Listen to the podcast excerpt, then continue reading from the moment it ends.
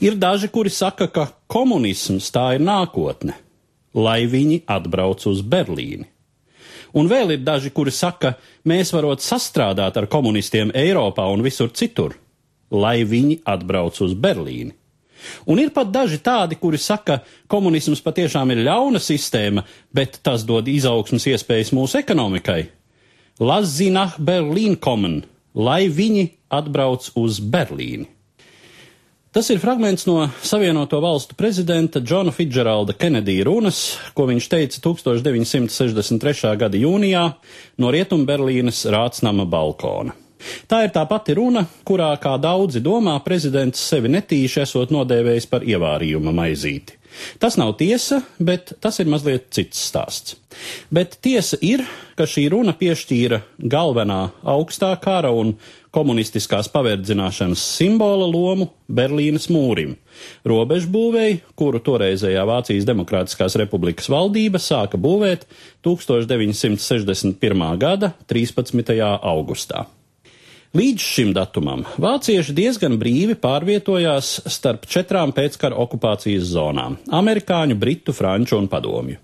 Līdz ar 40. gadu beigām rietumvalstu okupācijas zonas pamazām saplūda vienā valstī - padomju zona palika saurup.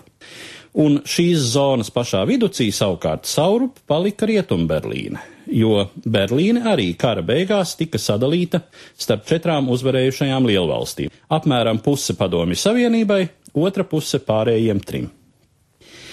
Vācijas Demokrātiskā republika bija visattīstītākā un vislabāk pārtikusī komunistiskā bloka zeme. Tomēr tā nespēja mēroties ar Rietumvācijas ekonomisko brīnumu, nemaz jau nerunājot par brīvības faktoru.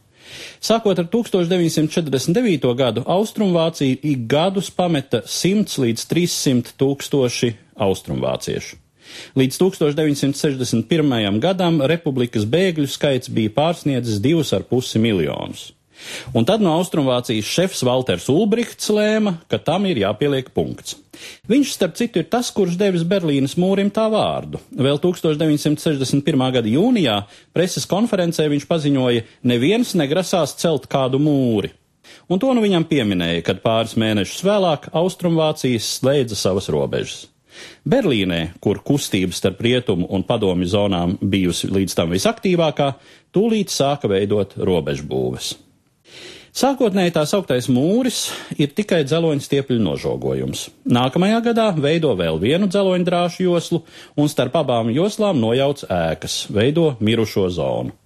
1965. gadā sāk celt betona sienu, bet 1975. gadā sākas pēdējās mūra kārtas būvniecība no 3,6 metrus augstiem dzelzbetona blokiem.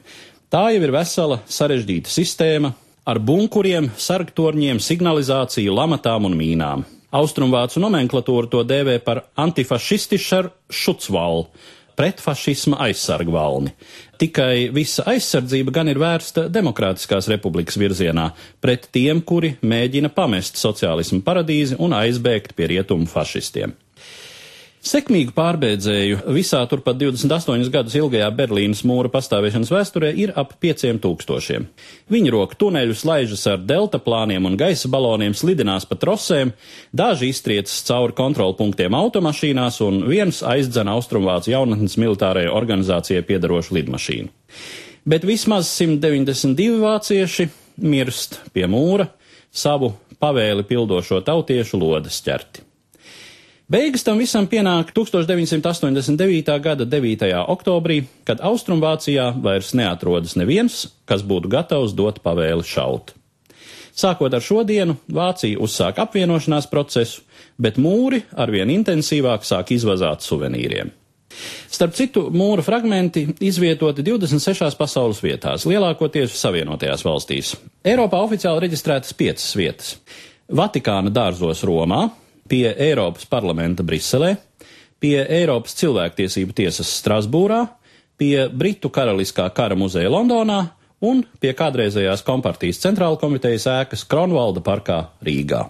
Stāstīja Eduards Liniņš.